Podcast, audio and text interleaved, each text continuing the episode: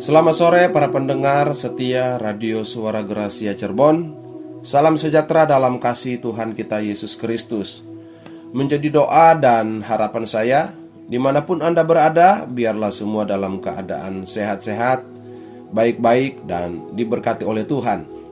Puji Tuhan, sore hari ini kembali lagi kita dalam program Mutiara Jiwa.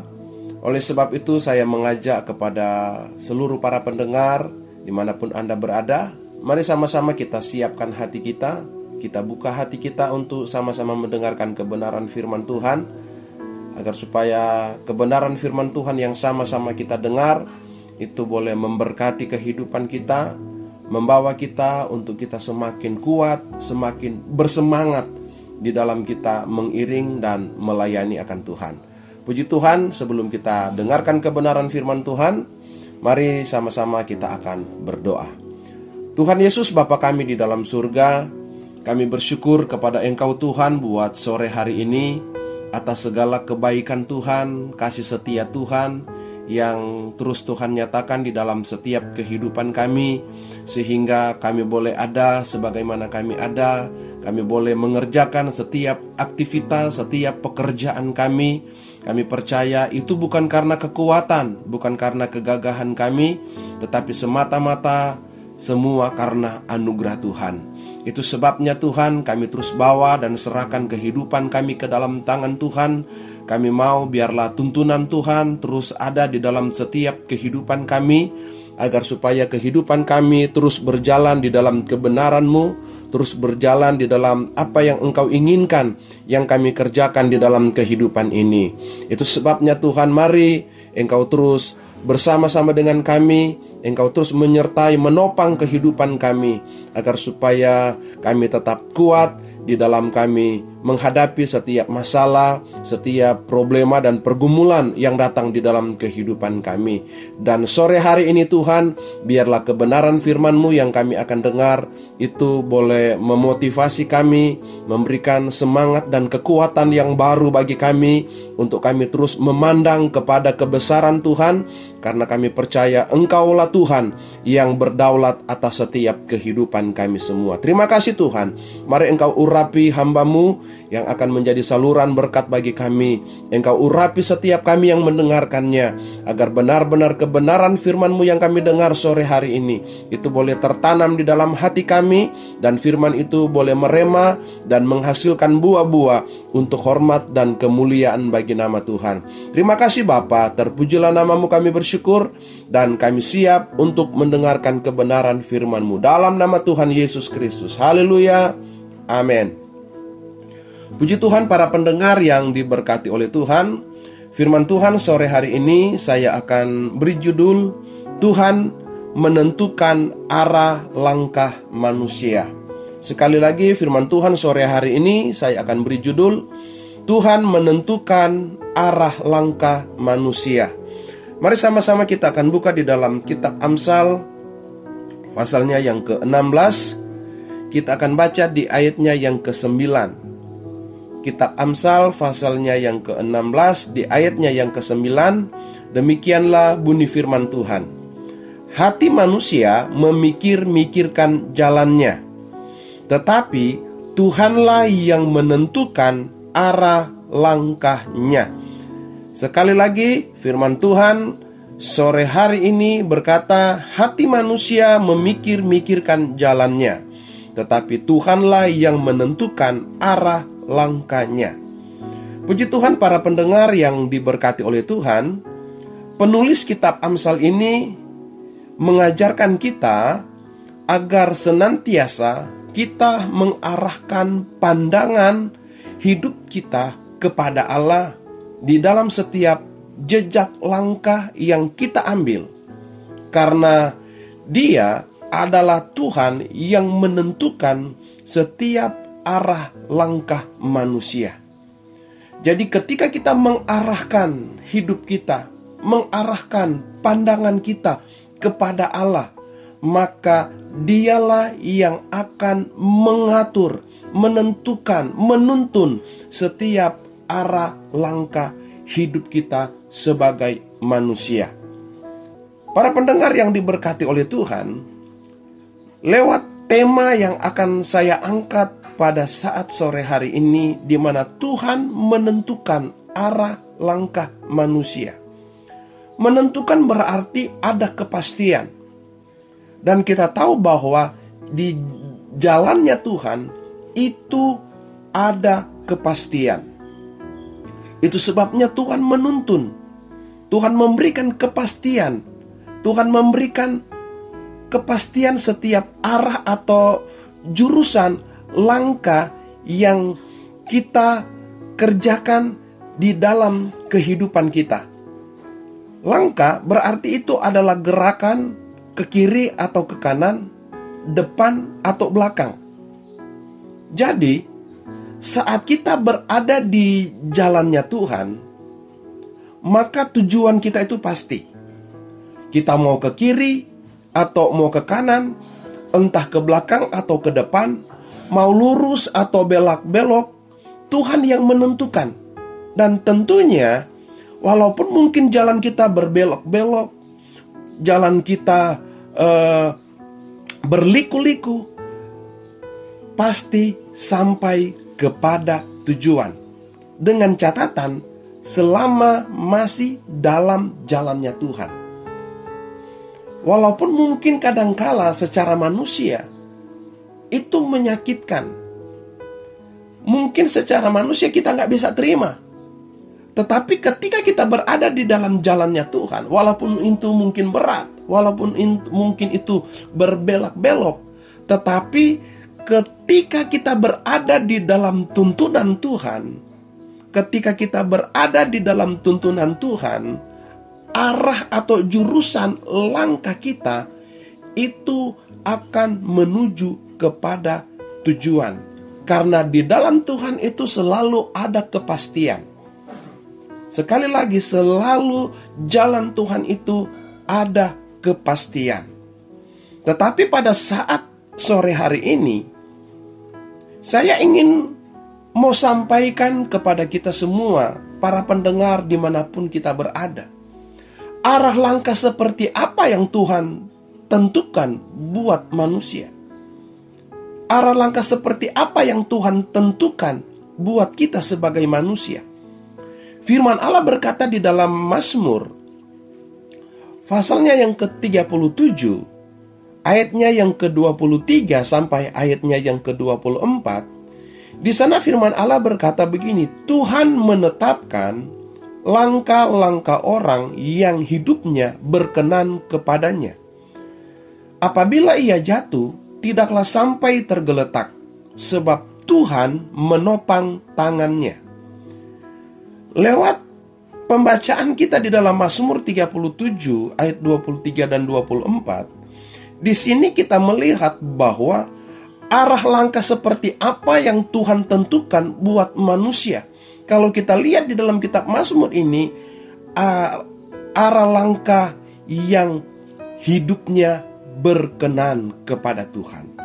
Yang hidupnya berkenan kepada Tuhan. Jadi, Tuhan hanya menentukan arah langkah manusia yang hidupnya berkenan kepadanya.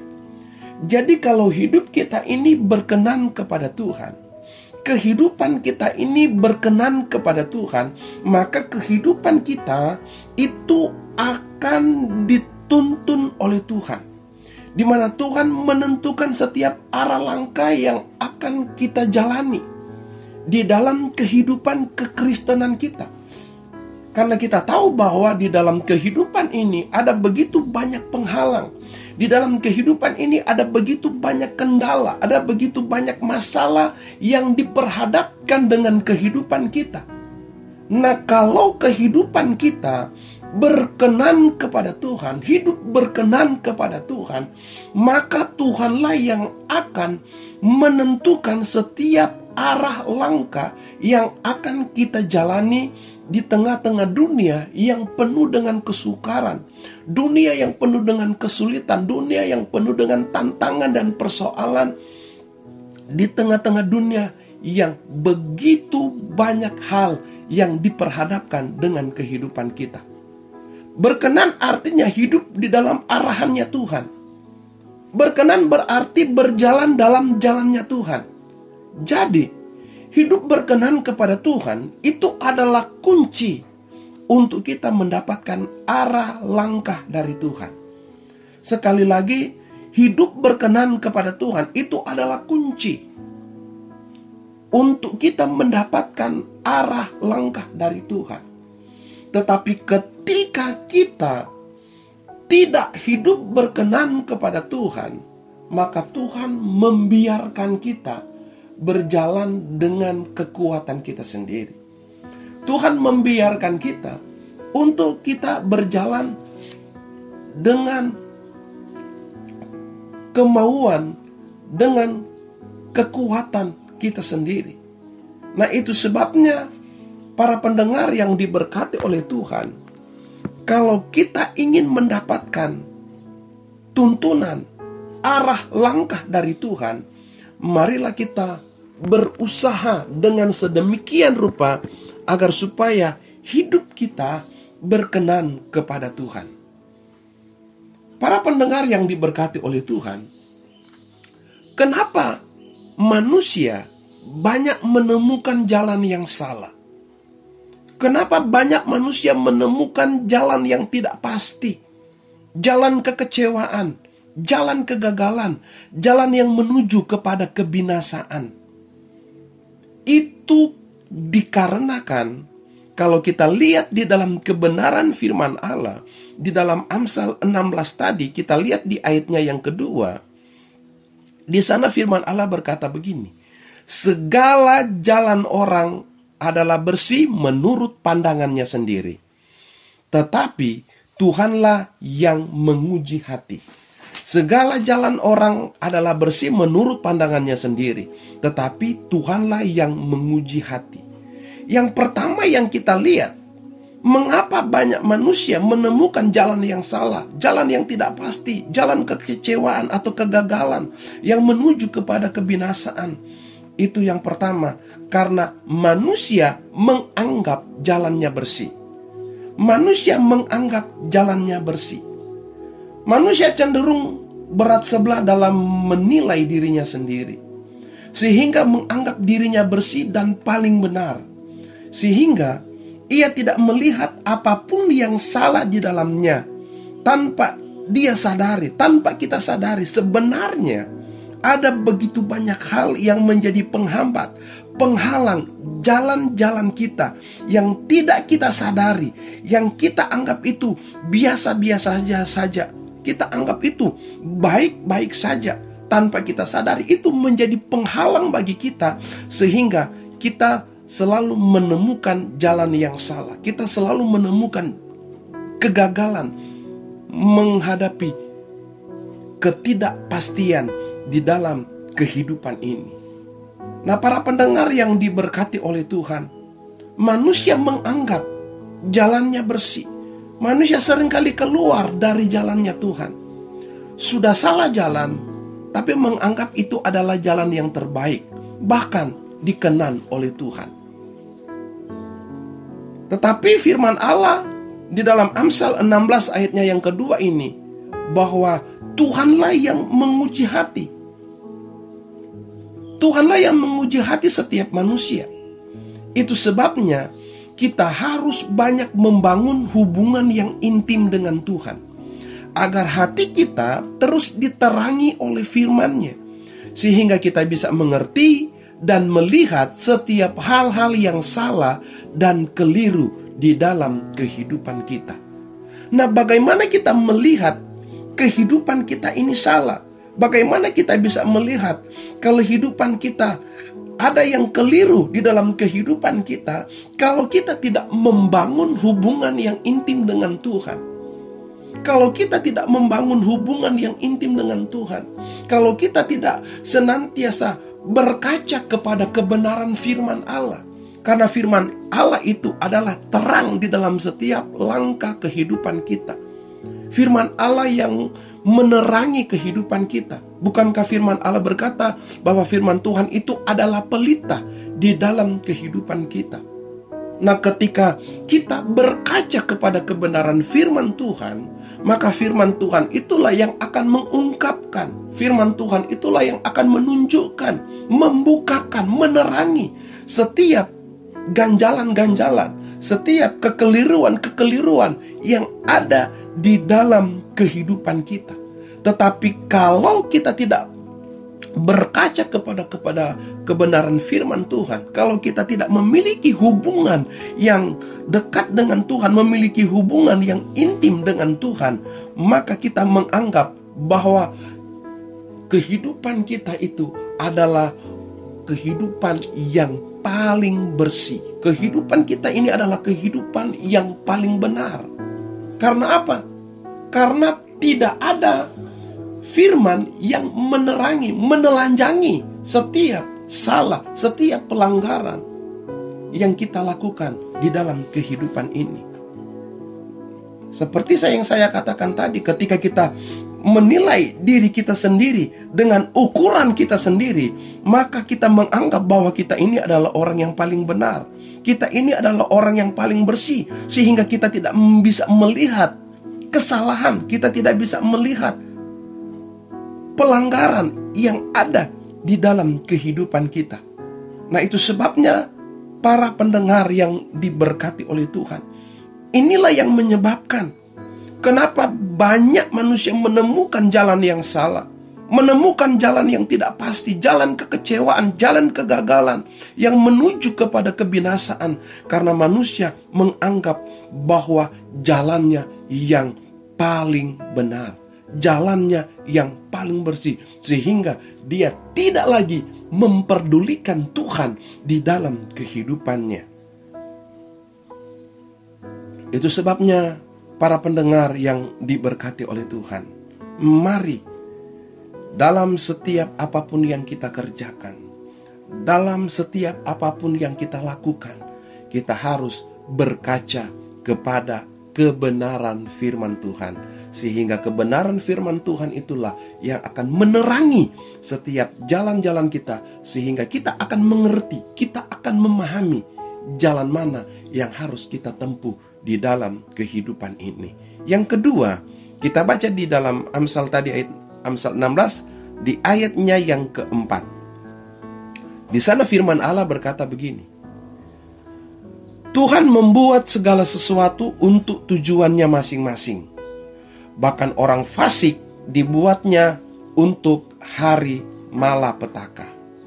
Yang kedua, kenapa banyak manusia menemukan jalan yang salah, jalan yang tidak pasti, jalan kekecewaan, kegagalan, jalan yang menuju kepada kepada kebinasaan di dalam kehidupan mereka karena manusia mempunyai pilihannya sendiri. Karena manusia mempunyai pilihannya sendiri. Di sini bukan karena Tuhan sudah menentukan orang-orang yang akan binasa. Bukan Tuhan yang uh, menentukan setiap jalan-jalan yang salah yang mereka jalani di dalam kehidupan mereka. Tuhan tidak pernah menjadikan manusia yang jahat. Ingat, Tuhan tidak pernah menjadikan manusia yang jahat. Tetapi ayat ini memiliki makna bahwa Tuhan tahu jauh sebelumnya bahwa manusia yang jahat itulah yang memiliki keputusan atau pilihannya sendiri untuk menjadi jahat. Jadi manusia sering kali mengambil keputusan sendiri tanpa melibatkan Tuhan. Nah, para pendengar yang diberkati oleh Tuhan, manusia mempunyai pilihannya sendiri karena Tuhan memberikan hak bebas di dalam kehidupan kita. Tetapi yang harus kita ingat bahwa Tuhan memiliki tujuan yang baik bagi setiap kita manusia. Sekali lagi Tuhan memiliki tujuan yang baik bagi setiap kita manusia. Bahkan firman Allah berkata bahwa rancangan Tuhan itu indah bagi kita semua. Tetapi manusia mempunyai pilihannya sendiri. Tuhan tidak mempunyai tujuan mengusir Adam dan Hawa untuk keluar dari Taman Eden. Itu bukan tujuannya Tuhan. Itu bukan rencananya Tuhan. Tetapi itu adalah pilihan mereka sendiri. mereka diusir dari Taman Eden itu karena pilihan mereka sendiri, karena mereka melanggar aturan Tuhan yang ada di sana. Jadi Tuhan tidak punya tujuan untuk ciptaannya itu binasa, tetapi itu karena pilihannya sendiri, karena Tuhan memberikan kebebasan bagi kita untuk memilih. Jadi kalau manusia sering kali menemukan jalan yang salah, manusia sering kali jalannya tidak pasti. Jalannya menghadapi mengalami kekecewaan, jalan kegagalan menuju kepada kebinasaan. Karena itu adalah pilihannya sendiri. Karena Tuhan tidak menentukan kehidupan kita menjadi binasa. Tetapi Tuhan mau agar supaya setiap manusia menempuh jalan yang terbaik di dalam kehidupannya. Tetapi kalau kita melihat bagaimana perjalanan hidup manusia, di mana manusia selalu berusaha untuk uh, menjauh dari Tuhan, manusia selalu berusaha untuk memilih jalannya sendiri daripada dia berjalan di dalam jalannya Tuhan. Tetapi kalau kita melihat betapa baiknya Tuhan, karena Tuhan memiliki tujuan yang baik di dalam kehidupan kita manusia. Sehingga firman Allah berkata, dia sampai mengirimkan anaknya yang tunggal yaitu Yesus Kristus untuk memperbaiki setiap kehidupan kita agar supaya kita berada di dalam jalan-jalannya Tuhan.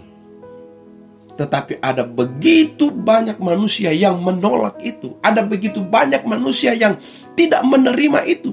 Sehingga mereka menemukan jalan membawa mereka kepada kebinasaan. Mereka lebih memilih jalan yang membawa mereka kepada kehancuran. Jalan yang membawa mereka kepada kekecewaan, kegagalan. Tetapi para pendengar yang diberkati oleh Tuhan, kalau kita ingin untuk mendapatkan jalan yang terbaik di dalam kehidupan kita. Marilah mulai saat ini kita mengambil keputusan untuk kita melibatkan Tuhan di dalam setiap jalan yang kita jalani di dalam hidup kekristenan kita sehingga kita tidak akan salah jalan lagi. Kita tidak akan mengalami jalan uh, yang membawa kita kepada kegagalan kita tidak akan mengalami jalan yang membawa kita kepada kebinasaan, kepada kehancuran. Karena jalan Tuhan adalah jalan yang sempurna yang akan membawa kehidupan kita kepada kepastian. Dan yang ketiga, yang ketiga, Kenapa manusia banyak menemukan jalan yang salah, jalan yang tidak pasti, jalan kekecewaan, jalan kegagalan, jalan menuju kepada kebinasaan. Yang ketiga kita baca di dalam Amsal 16 ayatnya yang kelima. Di sana firman Allah berkata, setiap orang yang tinggi hati adalah kekejian bagi Tuhan. Sungguh, ia tidak akan luput dari hukuman. Ayat 18, kecongkakan mendahului kehancuran, dan tinggi hati mendahului kejatuhan. Yang ketiga, Kenapa manusia menemukan jalan yang salah, tidak pasti, kekecewaan, kegagalan, dan jalan menuju kepada kebinasaan? Yang ketiga, karena kesombongan. Karena kesombongan manusia. Hal kesombongan adalah kekejian bagi Tuhan. Sombong ini menggambarkan bahwa manusia tidak ingat siapa dirinya yang banyak kekurangan. Kesombongan itu menggambarkan bahwa manusia tidak ingat siapa dirinya yang banyak kekurangan. Kadangkala kita lupa siapa pencipta kita yang hebat. Sehebat-hebatnya kita sebagai manusia, kita tidak bisa menandingi Allah yang menciptakan kita. Karena kesombongan itu hanya membuat Allah murka atas kehidupan kita. Nah, ketika Allah murka atas kehidupan kita, maka di sanalah kita akan melihat bagaimana Tuhan, bagaimana Allah akan membawa kehidupan kita. Allah akan membiarkan kehidupan kita untuk kita berjalan dengan kekuatan kita sendiri.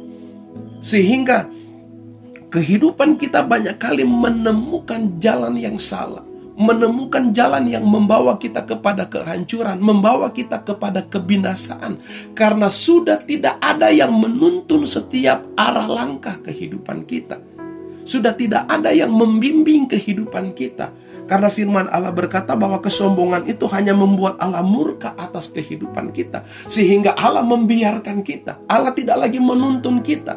Allah tidak lagi membawa kehidupan kita untuk berjalan di dalam jalan-jalannya Tuhan. Tetapi Allah membiarkan kita berjalan sesuai dengan keinginan kita sendiri.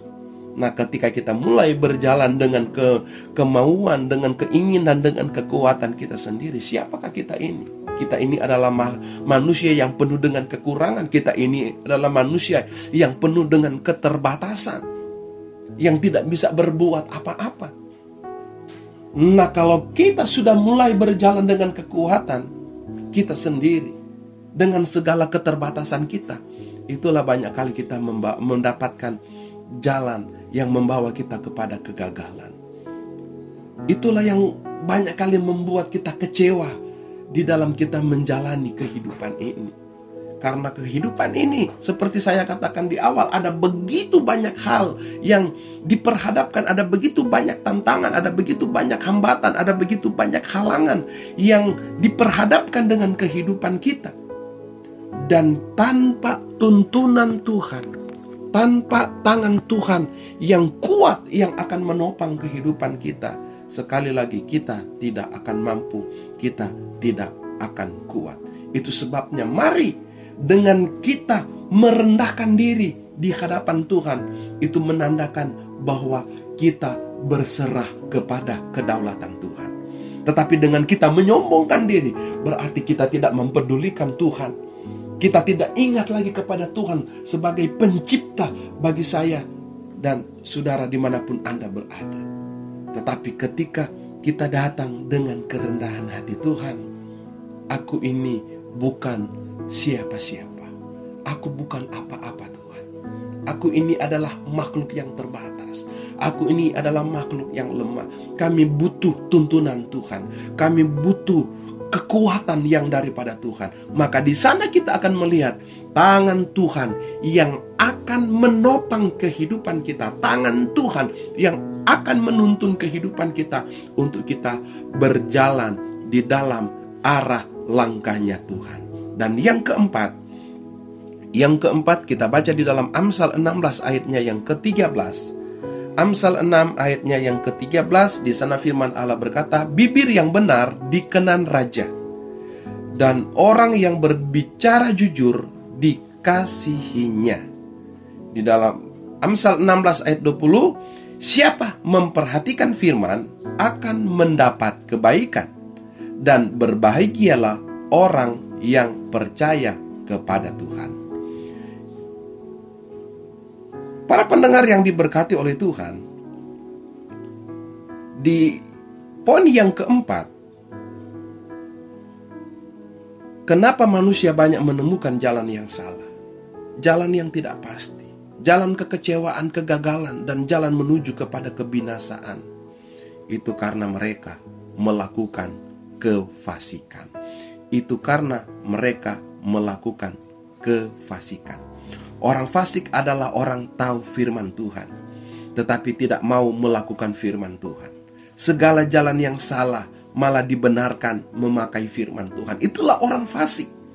Mereka selalu berusaha untuk menutupi setiap kesalahan mereka, menutupi setiap eh, pelanggaran-pelanggaran mereka. Mereka memakai firman.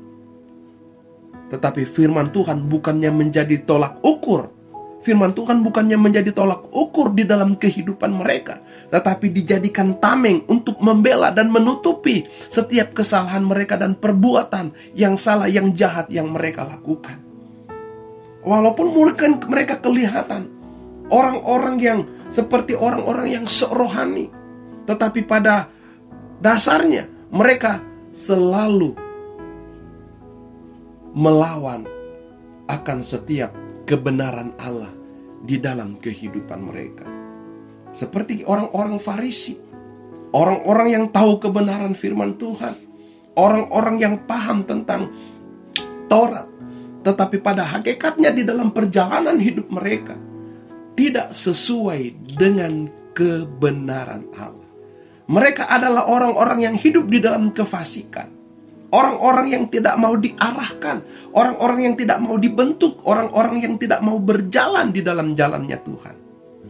Jadi para pendengar yang diberkati oleh Tuhan, keempat hal inilah yang membuat kita tidak ada di dalam jalannya Tuhan, yaitu di mana kita menganggap jalan kita itu adalah jalan yang paling bersih atau jalan yang paling benar.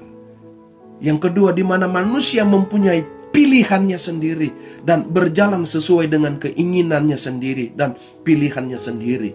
Dan yang ketiga, hidup di dalam kesombongan, di mana kita tidak lagi mengingat bahwa kita ini adalah makhluk ciptaan Tuhan. Dan yang keempat, hidup di dalam kefasikan. Jadi para pendengar yang diberkati oleh Tuhan, di dalam kitab Amsal, di dalam pasal ini, mengontraskan atau memperlihatkan, memperjelas antara pilihan tentang kebaikan atau pilihan tentang keburukan Amsal pasal ini mengajarkan bagaimana jalan yang terbaik untuk dilalui adalah jalan orang yang tulus. Sebuah jalan di mana Allah membuat jelas pasti kepada mereka yang ingin berjalan di dalamnya. Kita jangan tersesat dengan bersandar pada apa yang tampaknya benar, tetapi sebenarnya tidak. Marilah kita berada pada jalannya Tuhan, yaitu menjadi orang yang hidupnya berkenan kepada Tuhan. Meskipun mungkin banyak kali kita jatuh, berkali-kali kita gagal. Firman Tuhan katakan ketika kita jatuh tidak sampai tergeletak. Kenapa? Ada tangan Tuhan yang menopang kita untuk membawa kita kepada jalan yang benar. Itu sebabnya para pendengar yang diberkati oleh Tuhan, Mari, biarlah senantiasa kita menyerahkan kehidupan kita kepada Tuhan agar supaya Tuhan yang menentukan setiap arah langkah hidup kita sebagai orang-orang yang percaya kepada Tuhan. Puji Tuhan, biarlah kebenaran firman Tuhan sore hari ini boleh memberkati kita semua, boleh menerangi setiap kehidupan kita agar supaya kehidupan kita terus berjalan di dalam arah langkahnya Tuhan. Terima kasih Tuhan Yesus, kami bersyukur buat sore hari ini atas kebenaran firman Tuhan yang sudah kami dengar. Dan kami percaya Tuhan kebenaran firman Tuhan sore hari ini boleh membawa kehidupan kami agar supaya di dalam kehidupan ini kami terus membawa kehidupan kami agar supaya kehidupan kami boleh menjadi kehidupan yang berkenan kepada Tuhan. Yang berkenan kepada Tuhan. Karena ini adalah kunci untuk kami mendapatkan arah langkah dari Tuhan. Itu sebabnya Tuhan tolong kehidupan kami. Tuhan terus terangi setiap langkah-langkah kehidupan kami agar supaya kami tidak keluar dari jalan-jalannya Tuhan yang membawa kami kepada kehancuran, membawa kami kepada kegagalan, kepada kebinasaan, kepada kekecewaan. Tetapi biarlah kami terus berada di dalam jalannya Tuhan Tuhan yang terus menentukan arah langkah kehidupan kami karena kami percaya kalau Tuhan yang menentukan arah langkah kami, kalau Tuhan yang menuntun kehidupan kami di jalan Tuhan ada kepastian yang akan membawa kehidupan kami untuk kami boleh melihat kemuliaan Tuhan yang besar di dalam setiap kehidupan kami semua. Terima kasih Tuhan, meteraikanlah kebenaran firman-Mu Biarlah kebenaran firman Tuhan ini akan terus menjadi ingat-ingatan bagi kami. Sehingga di mana pun kami pergi dan kami berada, kami terus berjalan di dalam terang firman-Mu. Terima kasih Bapak. Terpujilah nama Tuhan kami bersyukur dan kami terima kebenaran firman-Mu yang kami sudah dengar pada sore hari ini. Dalam nama Yesus, haleluya, amin.